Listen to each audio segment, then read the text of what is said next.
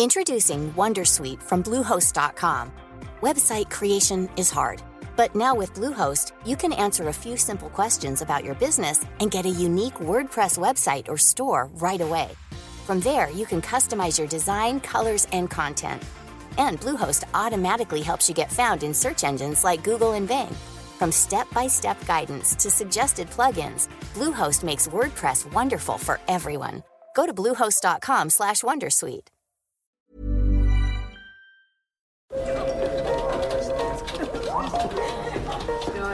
Dette er lyden av norsk næringsliv.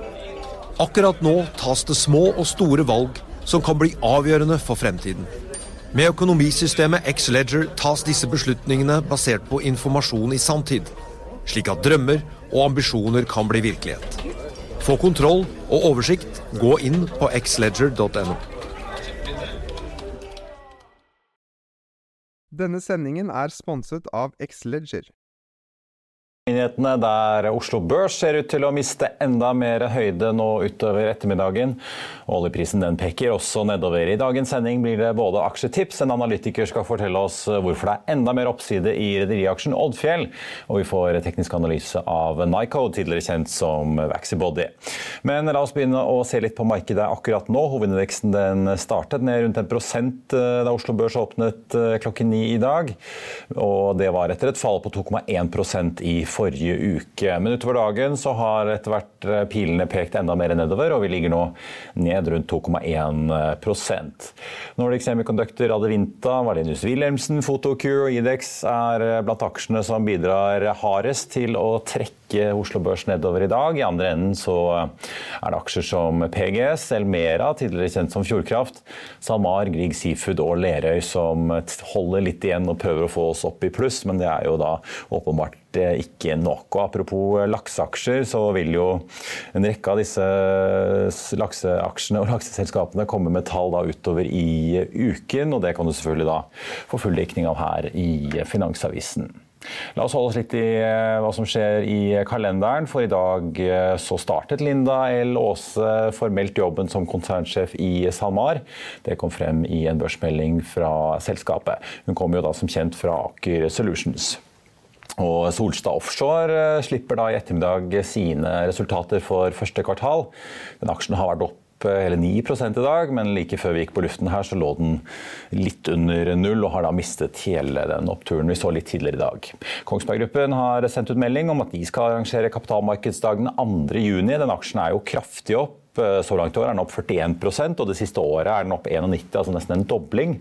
I dag er den ned 0,2 og det er jo da rødt her i Oslo, men det er også rødt eh, rundt oss. Nordsjøoljen ligger nå ned 2,5 til 109 dollar 8 fatet i spotmarkedet. Den amerikanske lettoljen har bikket under 110 dollar og ligger nå på 107. Og rundt oss på kontinentet så er det også stort sett nedgang i dag. På de store indeksene så snakker vi om fall på mellom 1,5 og 2,5% stort sett. Av andre aksjer på Oslo Børs har det vært å merke seg at Scanship Scanship Holdings, nå heter Wow, er opp 6,2 eh, i dag. De slapp jo sine resultater eh, for første kvartal på fredag. Barrett-analytiker Gard Aarvik sier sitat at vekstreisen har startet. Han er ute med en oppdatering der han gjentar kjøpsanbefalingen og kursmålet på 33 kroner. Og Seismikkaksjen PGS den stiger 8,5 i dag og er den fjerde mest omsatte aksjen på børsen. Dermed fortsetter PGS sin solide opptur. Den siste måneden er aksjen opp eh, over 90% En av de investorene som nå har kastet seg på PGS og oljeservicebølgen, er jo Petter Stordalen. Det ble jo da i forrige uke kjent at PGS gjennomførte en emisjon som skulle sikre selskapet frem til høsten med å få inn 800 millioner i frisk kapital, og så skal de da i tillegg låne nye 470 millioner i obligasjonsmarkedet. Teknologiselskapet Explora meldte i morges at de har fått sin første ordre fra en stor amerikansk forhandler. Den nyheten sendte aksjen først opp litt over 7% men nå ligger den og vaker på rundt en oppgang på 2,2 Så En grunn til at eh, mange er optimistiske for oljeservice om dagen, er jo hva oljeselskapene driver med. og Der er det jo bra trøkk. ConocoPhillips overleverte i dag utbyggingsplanen, den såkalte PUD-en, for Elfisk Nord-prosjektet, som har en prislapp på 10,5 milliarder kroner. Og Det markerer jo starten av et veldig hektisk år her i den norske oljebransjen. I hvert fall. Dette er nemlig den første utbyggingsplanen som oljeministeren får overlevert i det som er forventet å bli et veldig tettpakket år, gitt at eh, fristen i oljeskattepakken den går ut ved nyttår. Da må altså alle utbyggingsplanene være eh, myndighetene i hende. Og selv om Eldfisk Nord er et stort prosjekt i seg selv, så er det to andre fisker i dette havet som tar kaken. Wisting-feltet i Barentshavet til Equinor er jo forventet å ligge på mellom 60 og 75 milliarder kroner i investeringer. Og på toppen finner vi Aker BPs Noaka-utbygging i Nordsjøen som er ventet å komme inn på rundt 90 milliarder kroner. Og begge de utbyggingsplanene er også ventet i løpet av året, om enn noe senere enn Elfisk Nord. Elfisk Nord er jo et satellittfeltet Eldfisk, som ligger i Ekofisk-området. Denne giganten som feiret 50-årsjubileum her i fjor. Det er snakk om en subsea-satellitt med hele 14 brønner og et ressurspotensial på eh, mellom 50 og 90 millioner fat oljeekvivalenter til, ifølge ConocoPhillips. Produksjonsstarten er forventet til 2024. Og mens operatøren er 35% så eier partnerne Total 39,9, Vår Energi eier 12,4, Equinor 7,6 og statens oljeselskap Petoro tar de siste 5 prosentene. Før vi går videre i sendingen, husk at du også kan se sendingene våre ved å gå inn på fano-tv, og at vi også har andre podkaster enn bare Økonominyhetene, som Morgenkaffen, Gründerpodkasten Veien hit, Ukens vintips, Kunstpraten og bilpodkasten Mil etter mil. De finner du ved å søke Finansavisen, der du hører på podkast. Flex LNG er ned over 5 i dag, og rederiet som frakter flytende naturgass slipper sine kvartalstall om to dager den 11. mai. I forkant av det er et meglerhus ute og finjusterer på tallene sine. Mer om det, Kahoot, Orkla, Skatec og andre aksjer får du mer om i dagens aksjetips. Hvor fete tider kan det egentlig bli for rederne som frakter gass, og kan noe spesielt skje med Kahoot-aksjen om en måneds tid? Det er mandag 9. mai, og dette er dagens aksjetips. Verden skriker etter energi, men toppen er kanskje nådd for noen energiaksjer likevel. DNB Markets kutter nå gassfraktrederiet Flex LNG fra kjøp til hold, men øker også kursmålet fra 229 til 295 kroner per aksje. Med en oppgang på 50% siden mars tror vi sentimentet har gått for langt nå, skriver DNB Markets om aksjekursen. En annen aksje som kan ha nådd toppen, er Equinor. Kanadiske RBC Capital gjør finjusteringer i aksjen. Meglerhusets analytiker Biray Bukataria senker fra kjøp til hold men tar også opp kursmålet fra 320 til 330 kroner. Dermed er det nå ti analytikere som sier kjøp, mens 16 sier hold, og 6 ligger inne med salg på oljegiganten. Hos et annet oljeselskap ser bildet litt annerledes ut. Stifel tar ifølge Reuters opp Aker BP til hold, og jekker kursmålet kraftig opp fra 270 til 355 kroner. En av dagens andre store hopp har vi i Oddfjell. Anders Carlsen i Kepler Chevrø løfter nemlig aksjen fra hold til kjøp og tar kursmålet opp fra 35 til 66 kroner. Elnæringsselskapet Kahoot har falt mye på børs, selv om utsiktene til selskapet ligger i den nedre del av guidingen. Så mener også Arctic Securities at kapitalmarkedsdagen 1.6 kan bli en trigger for aksjen. Det ventes at Kahoot vil legge frem nytt om produkter, strategi og integrasjonen med Clever. Arctic sier fortsatt kjøp på Kahoot, men kutter kursmålet fra 59 til 45 kroner.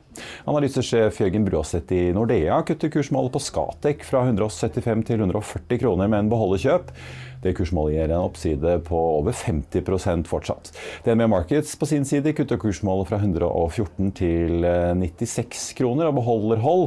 Endringene i utbyggingsplanene som kom frem forrige uke i kvartalsrapporten, bidro til å sende Skatec-aksjen ned nesten 18% DNB Markets forventer en kapasitet på 4,7 gigawatt i 2025, over 60% under det Skatec selv har i sin prognose på 15 gigawatt. Meglerhuset tror at Skatec er nødt til å legge frem en langsommere vekstbane fremover. Så må vi innom Pizza Zalo og Defined Shampoo, for Markus Heiberg i Kepler Chevrø tar Orkla opp fra hold til kjøp, men holder på kursmålet på 88 kroner. Orkla fikk jo ny konsernsjef i påsken, og i forrige uke la Nils K. Selte frem sin første kvartalsrapport som Orkla-sjef. Og det var dagens aksjetips. Mer børsstoff får du som alltid på FA1 nå. Vi gir ikke helt slipp på analytikerens anbefalinger og shipping. Nærmere bestemt eh, kjemikalietankrederiet Oddfjell og oppsiden som vår neste gjest ser i aksjen. Bare se her. Analytiker Anders Karlsen i Kepler Chevrolet, takk for at du er med oss. Du, du øker jo da kursmålet i Oddfjell fra 35 til 66 kroner og går fra hold til eh, kjøp. Kan ikke du si litt hvorfor er det så positive utsikter for denne kjemikalietankaksjen? Kjemikalietank har jo sett en, eh, en kraftig forbedring. Altså, vi så resultatene til Oddfjell i første kvartal. De var eh, godt oppe i forhold til tidligere. Eh, på toppen av det så annonserer de også en dividendepolicy hvor de skal utbetale halvårlig utbytte, i motsetning til tidligere hvor de har hatt et årlig utbytte og en ganske god pause nå inntil de betalte én krone per aksje her nå. Eh, så, så, Hoveddriveren er jo store endringer i markedet. Eh, og det drives eh, litt av hva som har skjedd i Ukraina og krigen der. Og det er jo noe som har hatt en innvirkning på produkttankmarkedet. Og produkttankere i et dårlig marked konkurrerer med kjemikalietank. Der har vi sett produkttankratene gå kraftig i det senere. Uh, og, Det gjør jo da at uh, en del av disse marginale, eller svingtonnasjen som det ofte refereres til, uh, vil gå ut av kjemikalmarkedet og, og, gjøre at det er mer last igjen til de båtene som trader i kjemikalietraden til vanlig. Eh, på toppen av det så har du også effekter i kjemikaliemarkedet fra, fra krigen i Ukraina. Eh, og mindre eksport av kjemikalier fra Russland til Europa. Det vil mest sannsynlig få en effekt eh, som er positiv for sjøveistransport. Uh, og, og, Det er jo da også en, en, driver her. Så Det vi ser i kjemikaliemarkedet Oddfjell rapporterte at deres kontrakter de som de fornyet i første kvartal, var opp 7% i forhold til hva de har vært uh, tidligere i år. Uh, det er en klar positiv trend. I tillegg så er også spotmarkedet gått, gått, opp, og, og, det vil da bidra positivt til til Oddfjells inntjening fremover. Og Shipping er jo ganske enkelt på mange måter. Eh, hvis du øker topplinjen og har dekket kostnadene dine, så, så, går det meste rett gjennom eh, statsregnskapet og lander på bunnen. Så, så ja, det, det, er vel eh, altså, det er vel eh, hovedgrunnen her. Og, og, som sagt, det er liksom markedet som er driveren her. Og dette har skjedd fort. Eh, eh, veldig mye fortere enn hva jeg hadde trodd. Men vi får se hvordan det fortsetter videre. Men eh, akkurat nå så ser det veldig bra ut. Ja, eh, du, du, nevnte jo Russland. altså Endrer dette seilingsrutene veldig i dette markedet som Oddfjell opererer i? da, At de må seile lengre distanser enn de har gjort før, eller? Ja, det, det er en god del eh, sånn basiskjemikalier som kommer fra Russland inn til Europa. Og i den grad Europa ønsker å frigjøre seg fra russiske laster, så, så vil det medføre at man må hente de lastene annetsteds hen. Og noe av de lastene har kommet på båt, men også faktisk en god del har kommet på tog og altså, tank, tankvogner og sånt. Og, og, hvis man skal flytte den traden vekk fra Russland og til et annet sted, så vil det mest sannsynlig føre til en eh, netto positiv effekt for, eh, for kjemikaltank. Hvis du ser på ratene, altså, Er det sånn du leser at her skal ratene enda mer opp enn den oppgangen som de rapporterte om etter første kvartal? eller? Ja, jeg tror nok eh, både dette med løft i kontraktsrater, det tror jeg vil fortsette.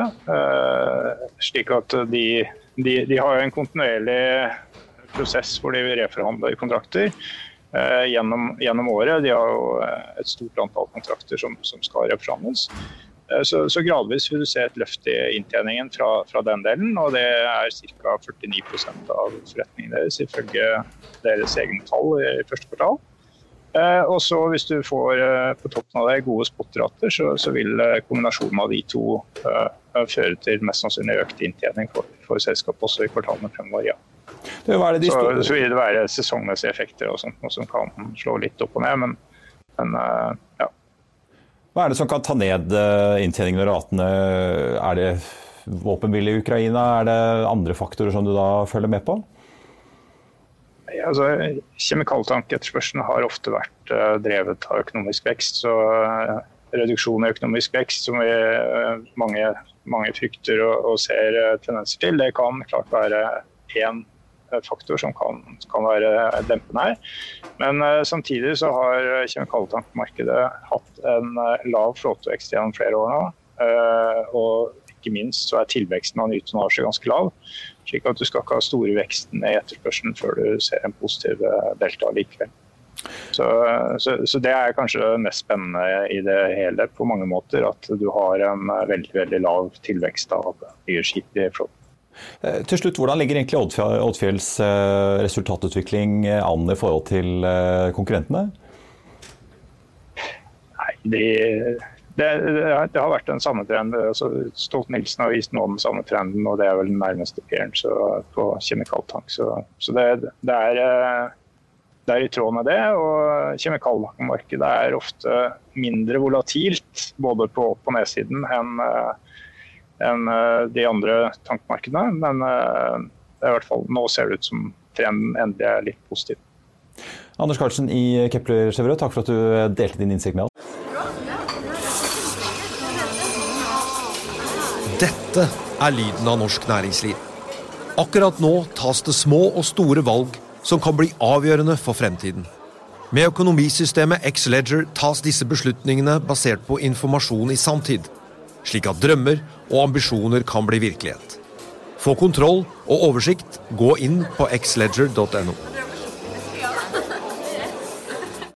Denne episoden er sponset av van Brun, en fremtredende smykkeforhandler kjent for sitt brede utvalg av forlovelsesringer, gifteringer og diamantsmykker som bæres og elskes i generasjoner. Et frieri er en av de største øyeblikkene i livet, hvor forlovelsesringen er et tidløst symbol på kjærligheten. Valg av ring krever omtanke for både hvilket metall og diamant, med et bredt spekter av både naturlige og labdyrkede diamanter, og metaller som platina, gult gull, hvitt gull og roségull hjelper de deg med å sette et personlig preg på din kjærlighetshistorie. Van Brun vil gjerne invitere deg til å prøve på tre av dine favorittringer fra nettsiden helt kostnadsfritt. Du kan også låne et bredt spekter av frieriringer, slik at du og din forlovede kan velge en ring sammen etter det store ja. Van Brun tilbyr 90 dagers åpent kjøp og 90 dagers gratis størrelsesjustering.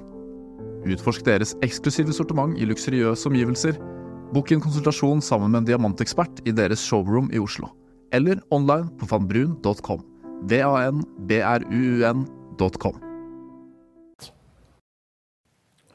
Og Oddfjella-aksjen er ned 0,2% til 46 kroner og 90 øre, så dermed fortsatt en eh, god vei opp til de eh, drøye, eller nesten 70 kronene som Carlsen eh, har lagt til grunn i sitt kursmål.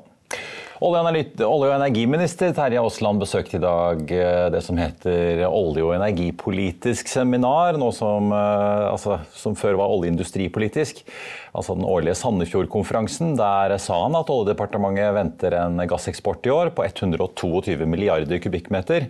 Det melder flere medier. Det er en økning på 8% fra i fjor. Oppgangen kommer både takket være gasseksport fra Melkøya og økt røreksport. LNG-anlegget på Melkøya i Hammerfest skal jo etter planen gjenåpne 17. mai, halvannet år etter at brannen i september 2020 satte anlegget til Equinor ut av spill. Nøyaktig var hele brannen og bortfallet av de enorme gassinntektene har kostet, har Equinor foreløpig ikke villet konkretisere. Vi holder oss litt i råvaresfæren, men skal over til olje. For oljeprisen er jo en ekstremt viktig driver eh, både på Oslo Børs og ikke minst også for norsk økonomi. Før helgen så, så vi jo en nordsjøolje som kostet ja, rundt 113 dollar fatet. I dag er vi jo ned da til eh, rundt 109. Og som Bloomberg rapporterer, så har Saudi-Arabia nå kuttet sine priser til asiatiske kunder. Bl.a. fordi nedstenginger i Kina legger en demper på oljeappetitten i Østen. Mer om hva som skjer, får vi fra våre kollegaer i London her. Your first take on a cut of $5 a barrel by the Saudis. The gouging is over, isn't it? no, I think you're absolutely right. I think it's a very, very important signal. Uh, reflecting the fact that, you know, year to date we have seen global demand growth forecasts being revised downwards primarily for Europe and Asia, not so much for the US. In fact, very little at all for the US. But it is a um, it is a sign that you are seeing uh, effects of that slightly weaker demand seeping into oil prices. By and large, though, it doesn't really disrupt the oil price outlook meaningfully because we've been saying for a while it should be around 100 or, or so dollars. Uh, which is still extremely elevated. Obviously, it's lower than where we are now. There's still room for a significant decline. But as far as the Middle East is concerned, it's a very, very robust, healthy level. And as long as we see the ongoing supply demand issues, which are not going to be resolved in the near term, uh, they should be able to last uh, the rest of this year into next as well, we should see oil remain well above the fiscal break-even uh, levels required for the GCC. And that's important from, from, from the fiscal point of view. Why? Tell me why you've gone slightly more uh, neutral on Saudi. I know on a number of occasions you've come in and mm. talked about the rich valuations, but you've mm. now moved to a more neutral position. How do you reflect that neutrality? So our concern has been that uh, you know we've been bullish on the region, uh, and admittedly we definitely underestimated Saudi's strength, but on the region mm. as a whole we've been bullish on since really Jan 2021. So coming from that point, we feel that this is a good time to be looking into locking some of the gains that we've made. It's been a very robust uh, rally seen across the region. Um, and some of the markets outside of Saudi, uh, UAE stands out in, in that respect, are sitting at uh, historical highs in terms of their absolute PE ratios. So I think it's it's a good time to sort of take stock and sit back a little bit with regards to the, the, the Middle East. The other side of the argument is it for us it is a relative argument. I mean, we would expect a near-term tactical, meaning you know a one to three month horizon, underperformance uh, versus emerging markets. And I don't know if you saw, you know, we've tactically upgraded uh, China and EM, along with US and developed markets as well, to a tactical overweight. Uh, and with EM, it's because we see in, in China um, a slew of sort of uh, stimulus uh, coming into effect. So we think there's scope you for think the stimulus there. will ultimately override this, this narrative that we have the, over the weekend, which is on China? On, on, China. Yes, yes, we do. Yes, we do. We think it'll more than offset that. So we think that, especially with equities now being well below their long-term average, uh, they've sold off significantly. We think there's good scope for a bounce in China, whilst uh, the GCC either uh, weakens a little bit or stays sideways. So we think there's scope for um, uh, a bit of underperformance. But Saudi, we think, will be probably the most resilient out of the GCC countries. Now, currency, you know, you, there is this definite risk-off sentiment across mm. th- these markets this morning. The dollar still remains triumphant. Mm. Um, but you've been looking at Saudi Real forwards and the Qatari Real forwards. In the FX, you, you have various pegs, and, and here we are. We have these pegs well established. But what is the movement in the Saudi Real that, that caught your eye? We've just been seeing the, the forward spread widening mm. uh, slightly. It's not a worrisome amount because, you know, in the past it's been far higher. So we're not looking at it as uh, any source of uh, stress or concern, but it is something that we monitor, especially in an environment where interest rates are rising. Inflationary pressures are much stronger in the US than they are here. Mm-hmm. Yet, of course, the monetary policy translates across uh, on, an, on a near one to one basis. Um, and that means that there may well be scope for at least speculative pressure to, to come into play, which has come in, you know, over the last, what, 10 years, a couple of times it's happened. So it's something that we see uh, could pop in again, but our view on, on the currency pegs is that they're definitely here to stay for the foreseeable future. We don't see any impact on them. Can we just take a little bit more into the banks? I, I understand maybe it's time to take a pause on UAE, mm. reflect on where you are in terms of where you transfer into broader EM. But on the bank story, and again, it's been such a harbinger of value for a lot of fund managers mm. in this region, Saudi banks, Emirati banks, etc. But I'm drawn to the fact that you think we, we, possibly have exhausted our net interest income narrative. You, you, would say banks' valuations remain historical peaks, driving a strong rally supported by continued earnings per share upgrades despite the richer valuations. Do you think there's more to go? in think, the bank story? Well, with the banks, I think it's become a, a case of it being a lot more of a selective play than it was before. I mean, the biggest names, I think, we've uh, exhausted quite a bit of the value. Uh, so how do I differentiate it? If I've got to be more nuanced yes. in how I allocate to banks, how do I how do I define that nuance? Well, we'd be looking more at the mid-sized banks, no longer the, the mega caps, which have really done a lot of the driving when it when you talk about the rally that we've seen in the in the GCC uh, over the past year yeah. and a half. So for us, the mid-cap uh, names, where you can still actually find reasonable valuations, you can find a pretty good dividend yield as well. Um, and I think they've, uh, they've, they've generally underperformed their very large cap uh, peers. Mobilselskapet Nortel melder at oppkjøpet av konkurrenten Athea har gitt 1300 flere kunder enn de ventet, og at de per april hadde 55 250 kunder. I en melding om oppkjøpet 7. april sa Nortel at de forventet å ende med rundt 60 000 kunder i juli. Nortel bladde opp litt over 70 millioner kroner for oppkjøpet, og kjørte en emisjon hvor de hentet inn snaue 80 for å finansiere oppkjøpet. Så skal vi snakke biotek, for Nycode, tidligere kjent som Vaxibody, har jo svingt i dag fra en nedgang på 6% til en oppgang på 7 og ligger nå ned snaue 2% til 33 kroner etter en melding om foreløpig positive resultater fra fase 2-studien av selskapets kreftvaksine VB1016 i kombinasjon med et annet preparat til pasienter med avansert livmorhalskreft. Konsernsjef Mikael Ensig sa i dag at han ser frem til å rapportere oppdaterte data i første halvdel av 2023 på denne studien. Det melder TDN, og det er jo nå en eh, telefonsamtale med selskapet og investorer og analytikere som startet klokken to, der selskapet gir mer informasjon om statusen i eh, arbeidet. Aksjen er opp 37% eh, de siste to årene, men har falt eh, kraftig fra den toppen vi så i andre halvår i fjor, på litt over 80 kroner aksjen, til altså rundt eh, ja, 30 kroner aksjen nå.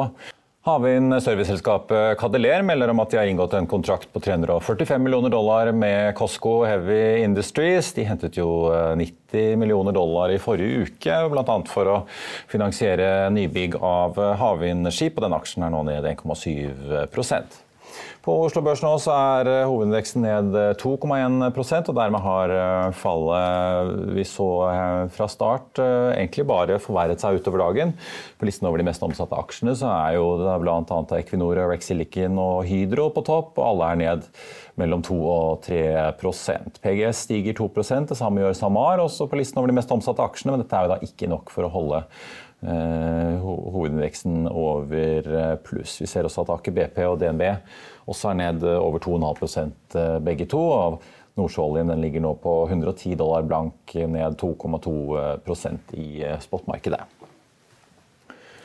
I Finansavisen i morgen så skriver Trygve om Jens Ultveit Moe og inntoget hans i MDG sentralstyre. Det kan jo gjøre MDG til et litt mer ja-parti, skriver Trygve. Men det kan også ha en annen effekt. Hvilken kan du lese om i avisen i morgen, altså. Der kan du også lese om hvilken biotekaksje som DNB-analytiker Geir Hiller Holom nå ville kjøpt. Det blir børsintervju med Lars Målen i Global Assets, og du kan lese mer om hva slags effekt reglene i den nye bankpakken vil ha for små og mellomstore bedrifter. Og Det var vår sending på denne mandag 9. Eh, mai. Vi er tilbake her i morgen klokken 14.30 med NHO-sjef Ole Erik Almrid. I mellomtiden får du som alltid siste nytt på fa.no. Mitt navn er Marius Lorentzen. Takk skal du ha for at du så på, og så håper jeg vi ses igjen i morgen.